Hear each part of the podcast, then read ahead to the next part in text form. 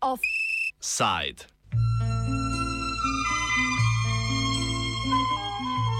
Mi gradimo zadružne domove, zadružni domovi gradijo nas. Mlade dane, tople duge, prvu ljubav, prve sne. Občina Komen je v decembrski številki Burje občinskega glasila in na svoji spletni strani objavila idejno zasnovo tamkajšnjega kulturnega doma. Gre za različico projekta, pripravljeno v studiu Uršič, ki predvideva rušitev dotrajanega zadružnega doma in izgradnjo novega objekta.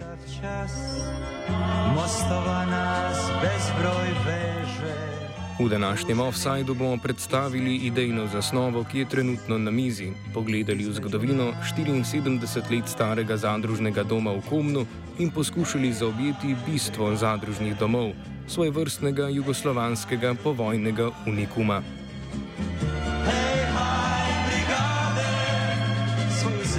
Srcem grade, svojo zemljo, srcem grade.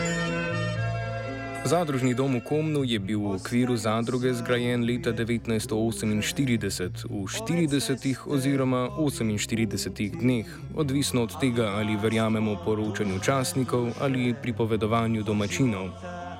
Kot v znanstveni monografiji Procesi ustvarjanja kulturne dediščine, krašavci med tradicijo in izzivi sodobne družbe, piše etnologinja, kulturna antropologinja in zgodovinarka Jasna Fakin Bajec, je bil zadružni dom v Komnu prvi na primorskem in tretji v Sloveniji.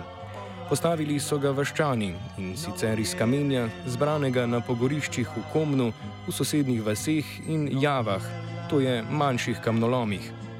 Notranjost so začeli urejati naslednje leto, ko so kraj kot prostovoljci obiskali mladi slikarji Ive Šubic, Boris Oblak in Janez Vidic.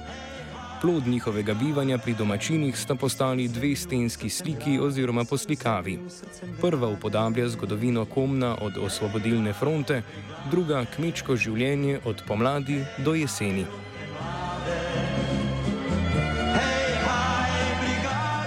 Danes prostore zadružnega doma zapolnjujeta Kosovelova knjižnica Sežana in pihalni orkester Komen. Dvorana je namenjena raznim prireditvam, v pritličju pa se nahajajo še poslovni prostori. Zaradi opozoril o pomankljivostih in varnosti je komenska občina kot lasnica objekta že leta 2017 naročila izvedbo idejne zasnove prenove, pove Erik Modic, župan Komna. V bistvu začetno pač se je sajalo uh, iz tega, da je treba nujno obnoviti kletne prostore, ki so v najslabšem stanju in samo betonsko ploščo, ki nosi pretliče, kjer je pač uh, glavna dvorana kulturnega doma. In na to, pač ko sem prevzel županovanje, sem se najprej usedel z temi glavnimi akteri, torej uporabniki uh, kulturnega doma. In nekako smo najprej preverili, kaj so dejanske potrebe In potem se je ugotovilo prvič, da niti ni smiselno tlačiti v ta kulturni dom noter glasbeno šolo, ampak da se to zagotovi na drugi lokaciji, sicer pri sami šoli, ki je bolj smotrno. Drugo pa je tudi, kakšne so potrebne kvadrature, prostorski pogoji za normalno delovanje knjižnice v Komnu, ki je dejansko zelo taka poljudna knjižnica, ki ima ogromno obiskovalcev in za tega seveda je pomembno tudi zagotoviti čim boljšo dostopnost, pa čim boljšo funkcionalnost te knjižnice. Istočasno pa tudi zagotoviti čim bolj funkcionalno smiselne prostore za sam pihalni orkester Komen, ki letos, oziroma lani, je praznoval 25 let delovanja in potem še zagotoviti neke dodatne prostore, tako za potrebe vaške skupnosti, kot tudi za mladino, oziroma tudi za kakšne druga društva, ki se ukvarjajo z kulturo. Celovita idejna zasnova rekonstrukcije zadružnega doma je bila na to izdelana leta 2020. Predvidevala je ohranitev obstoječih gabaritov in zunanjega videza stavbe z izjemo umestitve večje steklene površine na jugozahodnem pročelju. Projekt je občina junija istega leta predstavila na zboru Vaščanov, na katerem pa so sklenili, naj se pripravi nova idejna zasnova za novo gradnjo objekta, kulturnega doma Komen, ki bi bil energetsko varčen in prilagojen potrebam svojih uporabnikov. Tako smo v bistvu zdaj pripravili v letu 2021 predlog eh, nadomestne gradne, ki pač predvideva, da bi imeli v kletnih prostorih prostore za pihalni orkester Komen, kot tudi eh, za vaško skupnost, za mladino ali pa za kakšen drug, drugo društvo, ki se ukvarja s kulturo. V pritličju bi pa uredili knjižnico, ki bi bila potem bistveno lažje dostopna za obiskovalce, za vaščane, eh, bi tudi imelo ustrezno velikost, več kot 300 kvadratnih metrov in potem bi v nadstropju pa bila dvorana za avlo, kjer bi lahko to dvorano uporabljali ne samo za kulturne preditve, ampak tudi za kakšna poslovna srečanja, lahko za kakšna vinsko-botična srečanja, za take preditve, ki bi bila potem tudi Eh, možnost pogostitve na terasi na tej ravni strehi nad, eh, nad knjižnico. Razlog za preferiranje novogradnje pred rekonstrukcijo so po pojasnilih skomanske občine stroški. Obsežna statična in energetska prenova naj bi bila namreč dražja od rušenja zadružnega doma in gradnjo kulturnega doma. A na vprašanje, kakšna bi bila pravzaprav razlika v ceni, Modic odgovarja. V obeh primerih je ocena gradbenih obrtniških instalacijskih stroškov bližno enaka. Ne? Torej govorimo o dveh milijonih evrih, da je bilo potrebno za, ali za celovito rekonstrukcijo ali pa za nadomestno gradno. Razlika je samo v tem, eh, koliko bo možno, oziroma kako bi se dalo dobiti sofinancijarska sredstva. Zdaj, ena varijanta je, oziroma sigurno se bo dalo dobiti eh, z evropskih razpisov za potrebe kulturnih programov, torej za, temo, za knjižnice, lahko morda tudi za kakšne kulturne domove, pač odvisno, kakšni bojo razpisni pogoji. Ne. Drug sklop je pa vezano na, na to, na, na getsko vačno stavbo. Tukaj je pa seveda prednost, če gre za novo gradno, ker lahko uporabimo nove materijale, lahko zagotovimo 100% energetsko varčnost, medtem ko če gremo v rekonstrukcijo, pač tega ne moremo doseči in bo tukaj teži pridobiti sredstvo, oziroma če jih bomo pridobili, bojo to v manjšem obsegu, kot če bi šli v novogradno. Novogradnje so nekdaj bili tudi zadružni domovi, ki jim danes grozi, da bodo porušeni, če se tisti zapuščeni niso že sami zrušili vase. Od konca druge svetovne vojne do leta 1948 jih je bilo v okviru udarniških akcij na področju Jugoslavije dokončanih več kot 9000. V Sloveniji je nova ljudska oblast načrtovala postavitev med 520 in 530 zadružnih domov. Udejanjenih je bilo približno 150, še mnoge pa so gradili. Kot razlaga Majda Širca, ustvarjalka dokumentarnih filmov na TV Slovenija in nekdanja kulturna ministrica, je šlo za pojav prostovoljnega udejstvovanja ljudi, ki na ruševinah niso gradili le svojih domov, temveč tudi skupnost. In mu danes ne moremo več biti priča. To je zanimiv, mislim, da tudi kar enkraten fenomen, kako so si ti zadružni domovi večnamenske stavbe, seveda s kakšnim entuzijazmom, hitrostjo in tudi poslanstvom, recimo so se gradili tam takoj po 45. letu, pa največji zamah je bil tam do 48. in tudi kasneje ne, leta.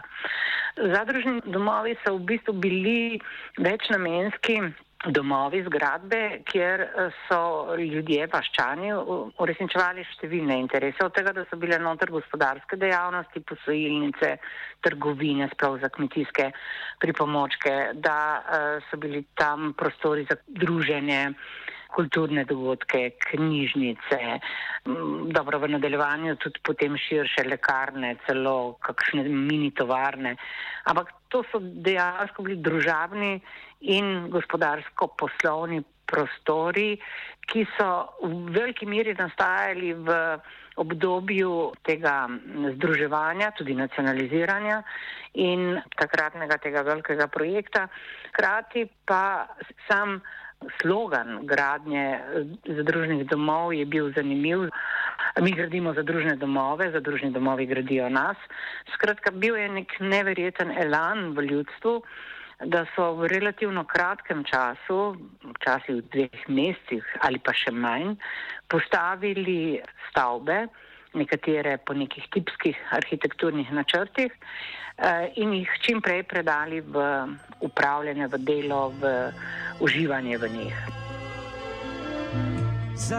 Na podeželju je zadružništvo vzniknilo, ker je oblast, ki je vodila vse stransko obnovo države, to organizacijsko obliko dojemala kot najprimernejšo za socialistično preobrazbo vasi. Ja, nedvomno je treba vedeti, da je bila ta gradnja na višku in ne samo gradnja, ampak tudi projektiranje na višku v času kolektivizacije. Ne? In zato so bile te zadruge uh, nekje v središču pozornosti, hkrati so morale imeti tudi nek prostorski center, neko središče, kjer bi se odejanile tiste dejavnosti, ki jih uh, lokalni prostori, lokalne skupnosti niso imele. To je bilo izobraževanje, niso imeli posod šol, niso imeli posod knjižnic. Skratka, prinašali in postavljali so temelje za to, kar danes vidimo v lekarnah, knjižnicah, trgovinah, skratka v občinskih in drugih prostorih in to so združevali tudi z namenom, da, da se družijo. To so bili nastopi, plesi, to, kar potem v, prihodnosti pač zauzemajo taki specifični kulturni domovi, kot jih danes poznamo. Kar se pri prenovi zadružnega doma v Komnu kaže kot nevralgična točka, je vprašanje, kako in če sploh ohranjati dediščino, ki jo to vrstni do domovi predstavljajo.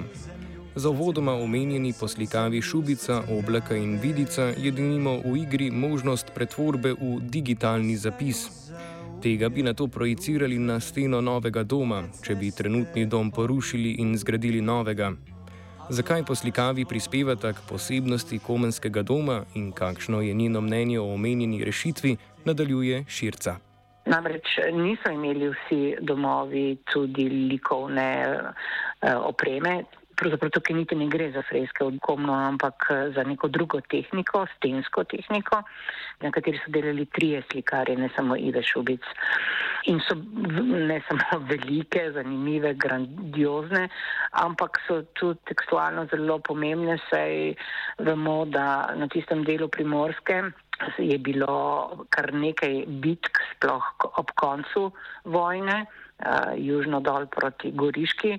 Tam je bilo kar veliko tudi dejavnosti različnih domobranskih in drugih bitk. Požganih vasi pa sploh, odilo globočnik je pri tem imel tam kar dost prste vmes.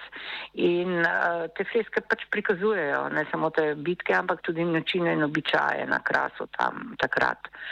In ne zdi se mi prav, da zdaj bi jih spravili v neke diase in jih projecirali ne steno kamorkoli. Skratka, ta rešitev se mi ne zdi uh, dobra. Mislim, da bi jo lahko urejali na drugačen način. Ih je, načinov je mnogo, kako lahko konzervirati neko preteklo obdobje, tudi v okviru novih projektov, novih graden, ampak z nekim kontekstualnim spoštovanjem do preteklosti. Eh, to, če spolniško varstvo se tukaj ni dovolj angažiralo, če dobro razumem, nimam pa pravih točnih informacij, ko vemo, da se recimo v sosednjem štanjelu ali kjerkoli borijo za to, da se milimeter okna neke stavbe ne spremeni, kar je na nek način prav lahko, pa je tudi zelo drastičen pristop, kakorkoli se mi ne zdi prav, da se povojno obdobje eh, briše na nespoštljiv način.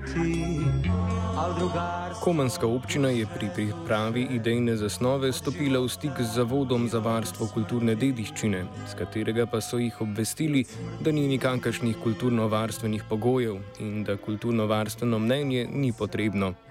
Župan Modic sicer pojasni, da se je zavod pozneje še enkrat obrnil na nje.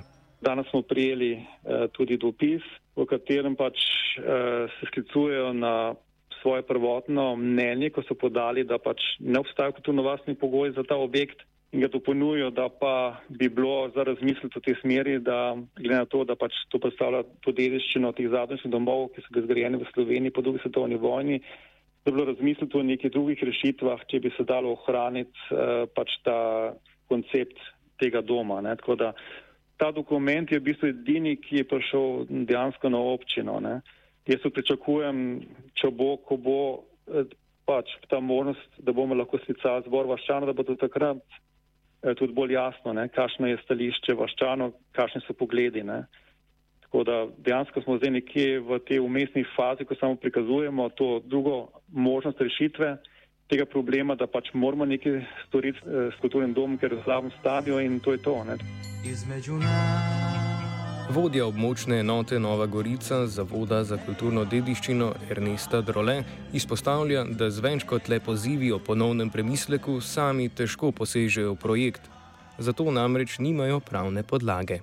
Torej, objekt zadružnega doma ni v območju s prostorskimi akti, zato območje določenega, eh, nima določenega varovanja kulturne dediščine in zato eh, zavod nima pravnih sredstev za eh, odločanje o prenovi. Je pa res, da eh, je pač občina pripravila eh, projekt prenove, vsaj prvi projekt, ki je predvideval prenovo tega objekta, eh, kar je z našega vidika spre, bi bila povsem sprejemljiva poteza. Kot zatrdi Modic, so za poslikavi trenutno odprte še vse možnosti, torej izdelava replik, digitalnega zapisa ali pa da se originala ohrani in da se ju premesti v nove prostore. Kakšna bo odločitev o sedaj predstavljeni idejni zasnovi, bo sicer jasno nekje do pomladi, ko bo občina lahko organizirala zbor vaščanov, ki ga zaradi epidemičnih razmer trenutno ni mogoče izvesti. Po Modičevih zagotovilih občina ne bo delovala mimo njihovega mnenja, ki ga vaščani že zdaj lahko podajo po navadni ali elektronski pošti.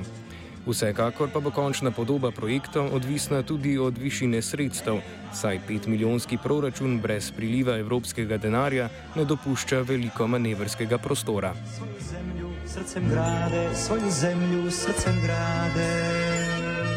Širca, ki zaključuje današnji offside, podarja, da se v preteklosti z zadružnimi domovi včasih ni ravnalo najbolj smiselno in skrbno.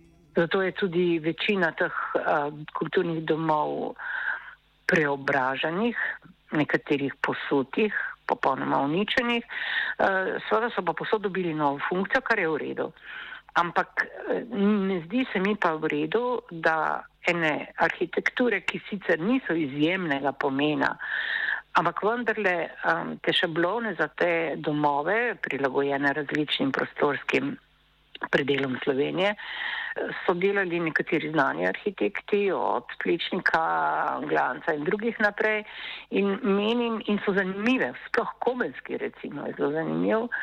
In se mi zdi spoštljivo, da se neka referenca na te domove ohrani, ne pa da se jih posuje, tako kot vidim, da nameravajo v komnu, vsaj po fotografijah, po nekih novih uh, projektih sodeč. Offside je pripravil Fabian.